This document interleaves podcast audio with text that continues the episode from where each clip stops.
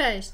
W dzisiejszym odcinku podcastu opowiem Ci o tym, jakie uprawnienia pracownicze związane z rodzicielstwem przysługują rodzicowi dziecka. Ja nazywam się Małgorzata Parzyk, na co dzień pomagam przedsiębiorcom. Pomagam przejść im drogę przez mękę z urzędami, zdejmuję z ich barków ciężar kontroli Państwowej Inspekcji Pracy, Zakładu Ubezpieczeń Społecznych i Straży Granicznej. Dobieram odpowiednie formy zatrudnienia. Jestem dla nich drogowskazem.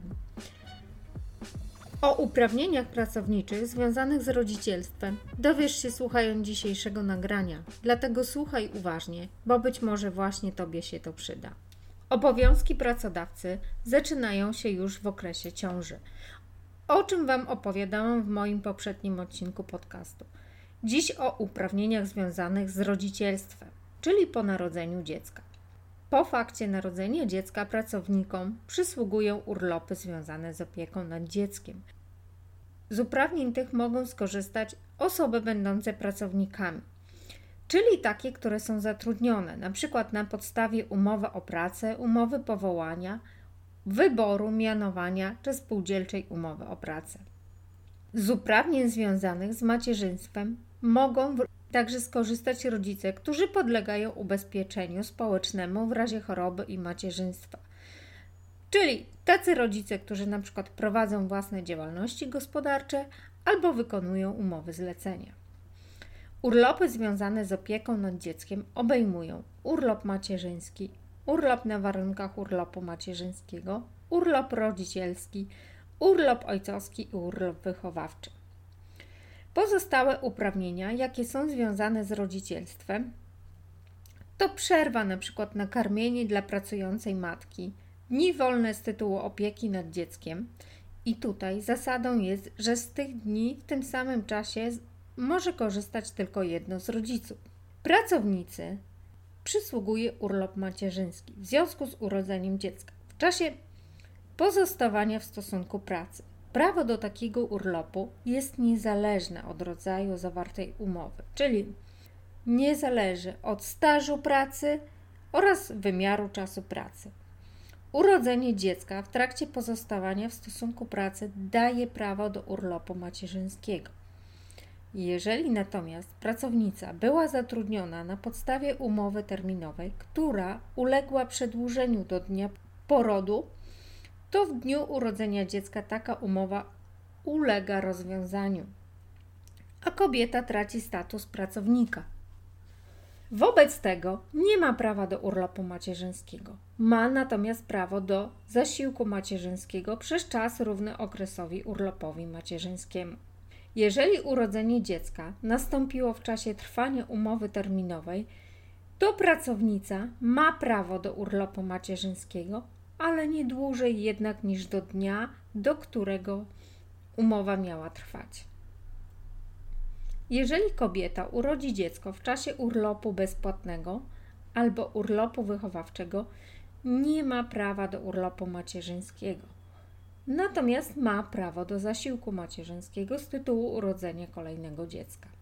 Co do zasady, pracownica nie może zrzec się prawa do tego urlopu, może natomiast zrezygnować z jego części, czyli z części urlopu macierzyńskiego na rzecz na przykład pracownika ojca dziecka albo innego pracownika, innego ubezpieczonego, którym może być inny członek najbliższej rodziny.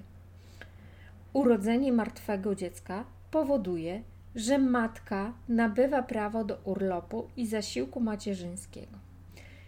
Co prawda, przepisy, takie jak kodeks, nie rozróżniają pojęcia e, poronienia i urodzenie martwego dziecka. Zostało jednak ono doprecyzowane na potrzeby dokumentacji medycznej. Czyli porodem jest urodzenie dziecka powyżej 22 tygodnia ciąży. Tak stanowi dokumentacja medyczna. Podstawą do przyznania urlopu macierzyńskiego lub zasiłku macierzyńskiego jest akt urodzenia dziecka z adnotacją urodzenie martwe. Wówczas przysługuje urlop macierzyński 8 tygodni po porodzie, nie krócej jednak niż 7 dni od zgonu dziecka. Wymiar urlopu macierzyńskiego jest zależny od liczby dzieci urodzonych podczas jednego porodu. I tak mamy 20 tygodni w przypadku urodzenia jednego dziecka, 31 tygodni w przypadku urodzenia dwojga dzieci podczas jednego porodu, 33 tygodnie w przypadku urodzenia trójki dzieci przy jednym porodzie, 35 tygodni przy urodzeniu czwórki dzieci przy jednym porodzie i 37 tygodni przy urodzeniu pięciorga dzieci lub więcej podczas jednego porodu. Tydzień urlopu macierzyńskiego odpowiada 7 dniom kalendarzowym. Pamiętać należy, że pierwszy dzień urlopu jest to dzień porodu. O ile pracownica nie korzystała już z tego rozwiązania przed przewidywaną datą porodu. Dopuszczalne jest wykorzystanie części urlopu macierzyńskiego przed przewidywaną datą porodu, nie więcej jednak niż 6 tygodni. Jeżeli pracownica skorzysta z tego prawa, to o tę część wykorzystaną przed porodem urlop macierzyński się skraca. Podstawą do udzielenia urlopu macierzyńskiego w takiej sytuacji jest wniosek pracownicy o udzielenie jej urlopu macierzyńskiego rozpoczynającego się przed datą porodu oraz zaświadczenie od lekarza o przewidywanej dacie porodu. Po wykorzystaniu co najmniej 14 tygodni urlopu macierzyńskiego pracownica ma prawo zrezygnować z pozostałej części urlopu i wrócić do pracy.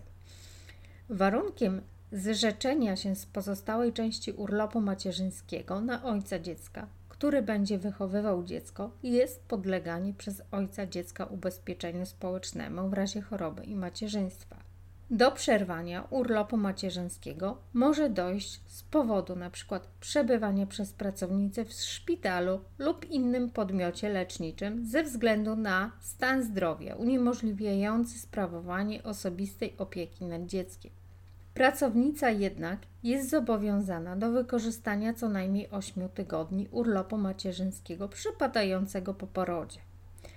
Po tym czasie, jeśli nadal y, jest niezdolna do sprawowania opieki nad dzieckiem lub przebywa nadal w szpitalu, może przerwać urlop macierzyński na okres leczenia pod warunkiem, że urlop macierzyński w tym okresie wykorzysta ojciec dziecka wychowujący dziecko lub inny członek najbliższej rodziny. W tym okresie osobie sprawującej osobistą opiekę nad dzieckiem przysługuje zasiłek macierzyński. Po powrocie pracownicy ze szpitala ma ona prawo wykorzystać pozostałą jej część urlopu macierzyńskiego. W przypadku śmierci matki dziecka prawo do urlopu macierzyńskiego w części przypadającej po śmierci matki przysługuje ojcu dziecka lub najbliższemu członkowi rodziny, który będzie się tym dzieckiem zajmował. Przypadku śmierci matka dziecka, która nie była objęta ubezpieczeniem społecznym w razie choroby i macierzyństwa, osoby te nabywają także prawo w przypadku, gdy matka była nieubezpieczona i porzuciła dziecko lub nie może sprawować osobiście opieki nad dzieckiem. Korzystanie z takiego urlopu przez innych członków rodziny lub przez ojca dziecka nie jest obowiązkowe. Dlatego konieczne jest złożenie wniosku do pracodawcy, pisemnego wniosku, w terminie nie przekraczającym 14 dni przed rozpoczęciem korzystania z takiego urlopu macierzyńskiego. W przypadku porzucenia dziecka przez matkę, matka musi wykorzystać co najmniej 8 tygodni urlopu macierzyńskiego po porodzie. Osoba składająca wniosek o udzielenie urlopu macierzyńskiego powinna dołączyć takie oświadczenie matki o porzuceniu dziecka przez matkę. W sytuacji, kiedy matka rezygnuje z wychowania dziecka, jej urlop macierzyński ulega skróceniu. W sytuacji, kiedy jest to orzeczone przez sąd dziecko i dziecko zostaje umieszczone w rodzinie zastępczej lub w zakładzie opiekuńczym, zakładzie rehabilitacji leczniczej, wówczas pracownica przebywająca na urlopie macierzyńskim też traci do niego prawo po zaistniałym zdarzeniu. Jednak należy pamiętać, że urlop nie może trwać krócej niż 8 tygodni od dnia porodu, nawet wtedy, kiedy matka zrezygnowała wcześniej z wychowania dziecka. Po upływie ósmego tygodnia pracownica powinna stawić się do pracy. Urlop macierzyński także ulega skróceniu w sytuacji porzucenia dziecka przez matkę. Matka traci do pozostałej części urlopu macierzyńskiego po zaistnieniu tego zdarzenia. Nie może jednak urlop macierzyński trwać krócej niż 8 tygodni. W przypadku, kiedy nieubezpieczona matka znajdzie pracę w wymiarze nie niższym niż połowa etatu, w takiej sytuacji ojcu dziecka przysługuje urlop macierzyński z pozostałej części. Mogą wystąpić także inne sytuacje powodujące skrócenie urlopu macierzyńskiego. Taką sytuacją może być urodzenie martwego dziecka lub jego zgonu w okresie pierwszych 8 tygodni życia. Pracownicy przysługuje wtedy te podstawowe 8 tygodni urlopu macierzyńskiego. Jest to 56 dni. Jednak w przypadku zgonu rozpoczęcie pracy nie może nastąpić wcześniej niż 7 dni od dnia zgonu dziecka. Zgon dziecka po upływie 8 tygodni życia pracownica ma prawo jeszcze do urlopu macierzyńskiego przez okres 7 dni od dnia zgonu. W przypadku urodzenia dziecka wymagającego opieki szpitalnej po upływie 8 tygodnia pozostała część urlopu powinna być wykorzystana po powrocie dziecka ze szpitala. Urlop rodzicielski to prawo, które przysługuje obojgu rodzicom po wykorzystaniu urlopu macierzyńskiego lub zasiłku macierzyńskiego. Urlop rodzicielski umożliwia elastyczne sprawowanie opieki przez obojga rodziców. Przez wymianę uprawnień daje obojgu rodzicom możliwość zajmowania się dzieckiem. Istnieje też możliwość, aby z urlopu rodzicielskiego korzystali oboje rodziców. Jednocześnie, w przypadku gdy rodzice korzystają z urlopu, jednocześnie łączny wymiar tego urlopu nie może przekroczyć 32 lub 34 tygodnie. Urlop rodzicielski może być udzielony bezpośrednio po wykorzystaniu urlopu macierzyńskiego lub zasiłku macierzyńskiego. Może być wykorzystany jednorazowo lub w częściach, maksymalnie w czterech częściach Graniczącą datą do wykorzystania urlopu rodzicielskiego jest zakończenie przez dziecko szóstego roku życia, a właściwie jest zakończenie roku kalendarzowego, w którym dziecko kończy 6 lat. Urlop rodzicielski udziela się w wymiarze wielokrotności tygodnia, jednak co do zasady, żadna z części nie może być krótsza niż 8 tygodni, z wyjątkiem pierwszej części, która przy urodzeniu pierwszego dziecka nie może być krótsza niż 6 tygodni.